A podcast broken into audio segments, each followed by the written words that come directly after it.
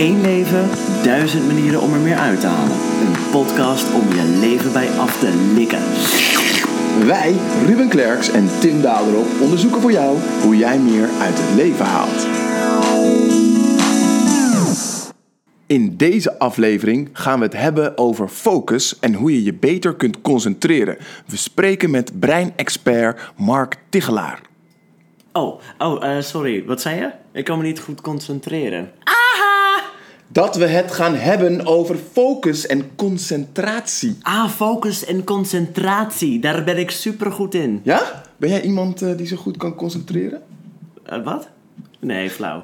Eh, nou, ik heb een aandachtspannen van een ADHD-kindje in een ballenbak. Maar als het mij eenmaal lukt om me op dezelfde bal te richten, dan kom ik in een hyperfocus terecht. Waarin ik heel veel in heel weinig tijd voor elkaar krijg. Dat moet ook wel, want ik raak ook heel snel weer verveeld. Hmm. Ik heb juist de valkuil dat ik heel rigide door blijf werken tot iets af is. Eigenlijk zou ik dan al lang een keertje pauze moeten nemen om op te laden. Eh, Want dan zou ik denk ik overal veel effectiever of sneller kunnen werken. Onbewust is er ook veel afleiding op een dag, merk ik. Wat is het waar jij het meest door afgeleid raakt? Nou, een vlieg op het raam, een kraakje in mijn gaskachel. eh, die fietser die ik nu, as we speak, mijn ooghoek in zie fietsen. Er is niet zoveel voor nodig om mij af te leiden. Maar eh, zoals ik net zei, ik heb een standje hyperfocus. Daar moet ik het dus van hebben. Dan raak ik dus helemaal niet afgeleid. Dan zou ik bij wijze van spreken een artikel kunnen schrijven te midden van een festival. En jij, Ruben? Hallo, Ruben! Ik zat even met mijn telefoon, sorry. Maar ik probeer dus steeds vaker mijn telefoon en andere schermen uit te zetten als ik echt moet werken. En hoe lastig ik het ook vind, het werkt wel. Weet je trouwens wat de top 5 is van tips om je beter te concentreren volgens livehacking.nl? Nou? 1. Verwijder omgevingsruis. 2. Zorg voor een goede werkomgeving. 3. Weet wat je moet doen. 4. Ken je apparatuur. En 5. Werk met kleinere subtaken. Verwijder omgevingsruis. Heb je daar een knop voor? En heeft die dan te maken met ken je apparatuur? In dat geval zoek ik meteen even waar die knop zit. Ja, die goede werkomgeving vind ik trouwens wel een goede. Ik denk dat het voor heel veel mensen eh, dat dat nog wel een goede is. Dat daar nog heel veel winst te behalen is.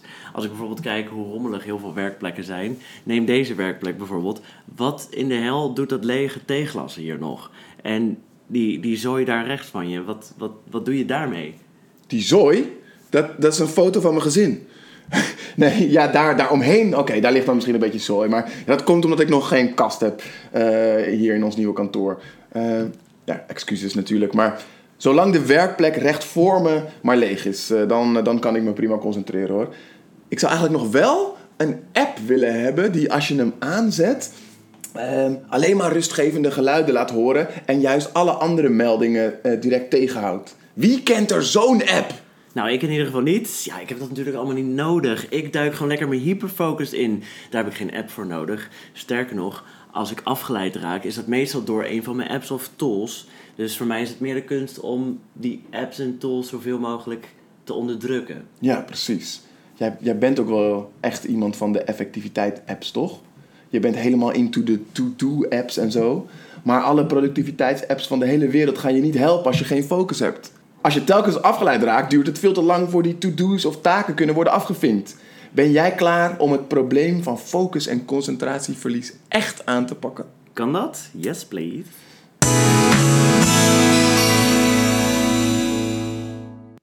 Mark Tigelaar studeerde neuropsychologie en begeleidt kenniswerkers, ondernemers en topsporters om hun prestaties te verbeteren. Met zijn bedrijf Hughes Clark geeft hij veel trainingen en wereldwijd hebben meer dan 100.000 mensen een training bij hem gevolgd. Eerder schreef hij de boeken Haal meer uit je hersenen, eh, waar meer dan 20.000 exemplaren van werden verkocht. En Lezen, Weten en Niet Vergeten, eh, waar ook meer dan 15.000 exemplaren van werden verkocht. En komende maand komt zijn nieuwste boek uit, Focus aan, Focus uit. Zijn boeken zijn eh, in zes talen verschenen en Mark is een echte breinexpert. En ik ben benieuwd of hij ons kan helpen om ons beter te concentreren. Mark, welkom. Dank, dank, dank. Allereerst, is het überhaupt mogelijk om te leren om je beter te concentreren? Ja, zeer zeker. Het is, het is super maakbaar. Er zijn, eh, om gelijk een beetje diepte in te duiken, er zijn vier concentratielekken. Als je weet welke die zijn en hoe je die kunt tackelen, dan krijg je grip op je focus. En dus het is een heel maakbaar iets, focus. En natuurlijk spelen omgevingsfactoren mee, maar dat kan je juist leren om je daarvan af te sluiten. Eh, dus antwoord op je vraag, ja. Ik wil eigenlijk meteen verder dieper uh, diepte in. Je zegt er zijn vier concentratielekken. Kan je, kan je kort benoemen wat dat voor lekken zijn? Ja, dat zijn uh, nou, bijvoorbeeld een van de dingen, ik ga ze allemaal benoemen hoor. Uh, vaak zeggen we bijvoorbeeld, oh het is onze telefoon of e-mail of collega waar ik zo last van heb. Maar dat is, dat is één van de concentratielekken, externe prikkels. Maar dat is eigenlijk de minst belangrijk. Het is vaak de eerste plek waar we het antwoord zoeken, maar we zeggen altijd de laatste plek waar je het eigenlijk gaat vinden. Het is veel belangrijker om te kijken naar je eigen hoofd. En dat ken je misschien ook als creatieveling. Je hoofd gaat de hele dag door. Of als ja. Je, ja, dat, is, dat ken je waarschijnlijk. Dat kennen we allemaal denk ik ook wel. En dat is, een, dat is een voordeel natuurlijk, maar het heeft ook zeker een uitdaging. De eerste concentratielek is dan ook dat we heel makkelijk, gek genoeg, verveeld raken. Zo zijn we erachter gekomen, dat is de eerste concentratielek, dat als je een taak aan het doen bent, zoals nu luisteren, of als je aan het werk bent, schrijven of lezen, dan gebruik je maar 20% op dat moment van je brein. Je brein wordt altijd 100% opgevuld. Maar als de taak maar 20% is, heb je dus 80% ruimte over voor andere gedachten die tussendoor vliegen. Oh shit, ik moet straks nog even Peter bellen. Oh, ik moet dit nog even doen. Of omgevingsgeluiden te horen. Dus de eerste concentratielek is je hersenen optimaal prikkelen als het ware met de taak zelf.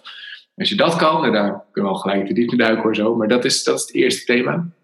En dan de tweede, dat is misschien wel de grootste, je interne eigen gedachtenstroom. En wederom, zeker als je creatief bent, heb je allemaal ideeën natuurlijk. Die komen vaak op de meest onhandige momenten komen die binnen. Dat ken je misschien ook. Ja. Dat zou kunnen. Uh, en dat kan heel erg ja, interfereren, heel erg blokkeren met wat je aan het doen bent. En daar kan je grip op krijgen. En de derde, dat hebben ze eigenlijk een beetje allemaal, is uh, gebrek aan energie. Als je te weinig, uh, heel suf, concentratie bestaat uit brandstof. Als die brandstof op is, ja, dan is je concentratie en je productiviteit gewoon weg. En die vierde zijn dus die externe prikkels, je collega, telefoon, et cetera. Nou, dat is in een notendop. Uh, zijn dat de vier lekken. En wederom, je eigen hoofd is by far daarin de belangrijkste om te tackelen. Hey, en wij hebben elkaar uh, voor de eerste keer ontmoet uh, tijdens een opname voor het, onder ja. voor het ondernemerscollege van uh, ja. werkt. Ja. En daar, daar sprak je toen over hoe je niet meer afgeleid raakt. En ja. een van de dingen die je daar zei, dat is me echt enorm bijgebleven. Um, je zei daar dat het gemiddeld 23 minuten duurt om te herstellen van afleiding. Ja, dat is bizar hè? Ja, ik vond het, ja. shocking eigenlijk. Hoe zouden we volgens jou moeten omgaan met dat gegeven? Ja, dit, is, dit is precies de kern van het hele verhaal. Elke keer dat je wisselt, hoe klein die wisseling ook is, bijvoorbeeld even een korte blik op je telefoon, dat is al een wisseling. Vaak zien we dat soort wisselingen vanuit tijdsperspectief. Oh ja, ik krijg een kort appje, het kost me vijf seconden om dat appje te beantwoorden. En dan is het gelijk afgehandeld, is het uit mijn hoofd, kan ik het loslaten. Ja. Dus dat kan in vijf seconden nog kwaad. Zo zien we vaak onderbrekingen. Alleen het is inderdaad niet die vijf seconden die je kwijt bent, maar het is hersencapaciteit dat je dat met kwijt bent. En dat duurt best wel lang om daar inderdaad van te herstellen. Dus het hele spel van focus management of grip krijgen op je focus, is het aantal wisselingen wat je op een dag maakt minimaliseren. Dat is het spel. We hebben het ook wel eens uh, gehad uh, in, de, in de podcast over uh, de Pomodoro-techniek, waarbij je 25 minuten achter elkaar doorwerkt en dan even 5 minuten pauze houdt en dan weer verder gaat. Maar als wat jij zegt waar is, dat, je, dat het 23 minuten duurt om erin te komen, dan hou je toch maar nog maar twee minuten effectief ja. tijd ja, over. Uh, er zitten nuanceverschillen. Dus uh, ik ben een voorstander van de Pomodoro-techniek, dus uh, laat ik dat gelijk duidelijk zeggen. En die hersteltijd, die klopt, maar dat verschilt een beetje per taak die je aan het doen bent. Ja. Een voorbeeld, die Pomodoro-techniek is super effectief, maar alleen voor simpele taken. Als jij een bulk e-mail moet wegwerken, dan werkt het inderdaad effectiever om dat in 25 minuten in ieder geval de eerste stappen erin te zetten. Dan even een 5 minuten pauze te hebben en dan weer door te gaan. Dat is effectiever dan wanneer je geen pauze neemt. Dus gewoon puur kijken wie heeft het meeste e-mailtjes weggewerkt. Dat is de persoon die de pauze neemt van 5 minuten tussendoor. Maar als je meer moet nadenken over taken, en nou, creativiteitstaken even als voorbeeld nemen, maar überhaupt meer de complexere denktaken, hetzelfde, dan werkt de Pomodoro-techniek helemaal niet meer. Als je dan de Pomodoro-techniek toepast, dan, ja, dan zit ik er net even lekker in, dan moet ik weer op pauze nemen. Het komt omdat je, je moet dan meer nadenken. En als je meer moet nadenken, dan moeten de blokken langer zijn. Uh, simpele verdeling, simpele taken 25 minuten, complexere denktaken 90 minuten en dan 15 minuten pauzeren. Maar, en nu komt die, creativiteitstaken, daar is dit allemaal niet van toepassing. Dan werkt het juist goed om soms totaal niet productief te zijn. De momenten dat jij in het, hoop ik, misschien kan je het beamen, ik hoop dat je kan beamen, want dan zou mijn theorie maar kloppen, maar we hebben dit getest. Is dat je, de momenten dat je niet productief bent, ben je het meest creatief. Ja. het moment dat je het minst creatief bent, ben je het meest productief. Ja. En dit is een, we hebben gemerkt, een super interessante tegenstrijdigheid. Productiviteit en creativiteit zijn elkaars tegenpolen. Alles wat je doet om productiever te worden, verlaagt je creativiteit en vice versa. En daar kan je op mee sturen. Zelf eh, ben ik daarmee aan het experimenteren door ehm, bijvoorbeeld niet meer ehm, op de fiets of tijdens het reizen uh, naar muziek te luisteren. Ja, Uh, cool, heel cool. Om, omdat ik merkte van ik was eigenlijk elk moment van de dag was heel cool. aan het doen. Je vindt, dit is super tof als je zegt. op de fiets en niks te doen. En dan komen inderdaad veel meer ideeën en- en- naar boven. Of, eh, oh ja, dat ene ding wat ik al steeds vergat, heb ik dan opeens wel scherp voor me. super tof dat je dit zegt. Want dit, is, dit merken we zo. Dit, dit horen, ik heb dit weinig gehoord ook met muziek, maar ik ben het helemaal met je eens. Muziek is top. En meestal zien we muziek als ontspanning. Maar technisch gezien nemen we nog steeds nieuwe informatie Ja. tot je.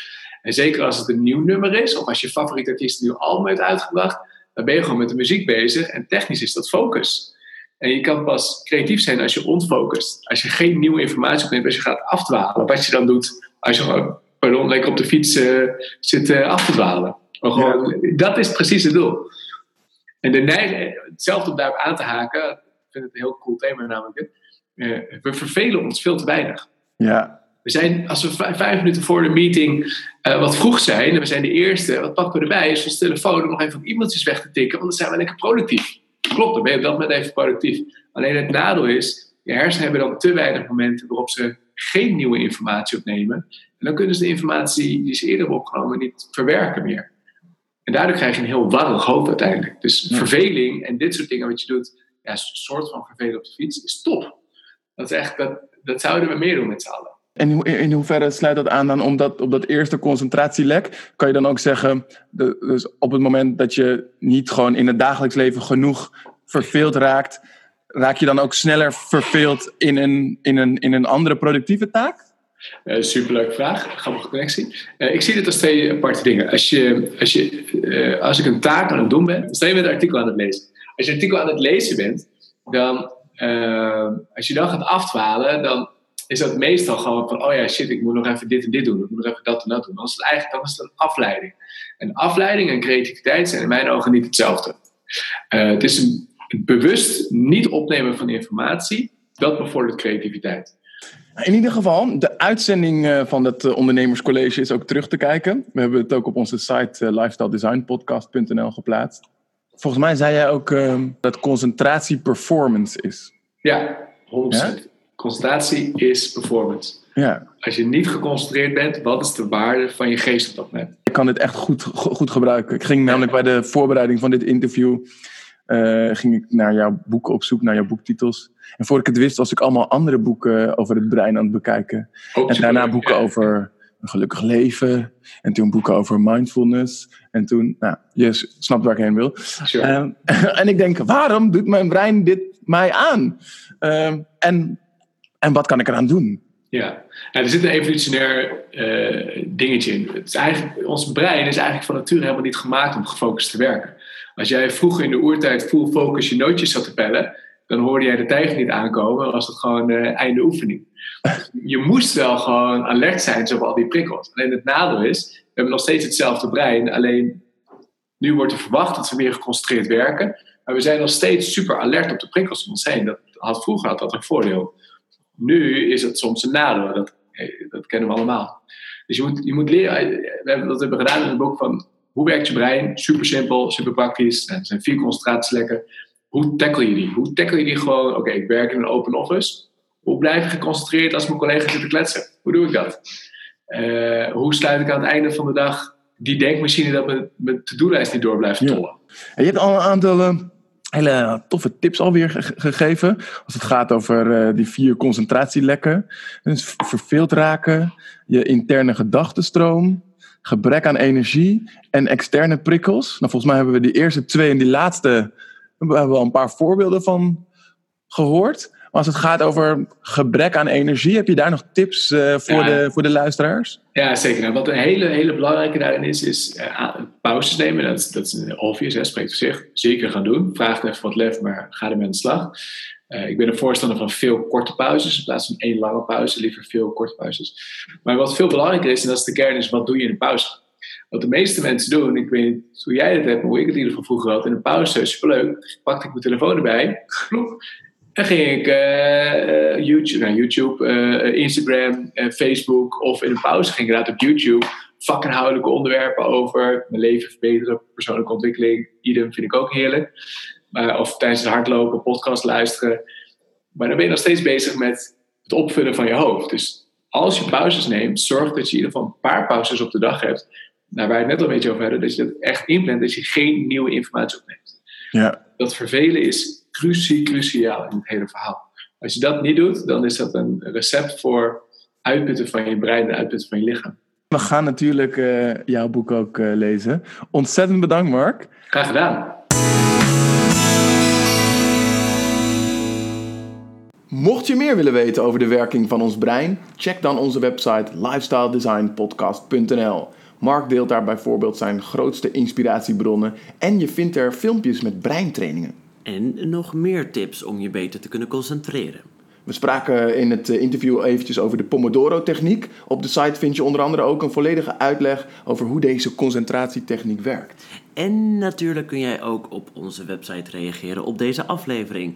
Daar kun je vragen stellen, suggesties doen voor volgende afleveringen. Let us know. We zijn benieuwd naar jouw ideeën. Heel benieuwd. Volgende week gaan we het hebben over de wandeling van je leven. Ja, dan spreek ik met Arjen Ulrich, die helemaal van Alkmaar naar New York is gewandeld. Tot volgende week.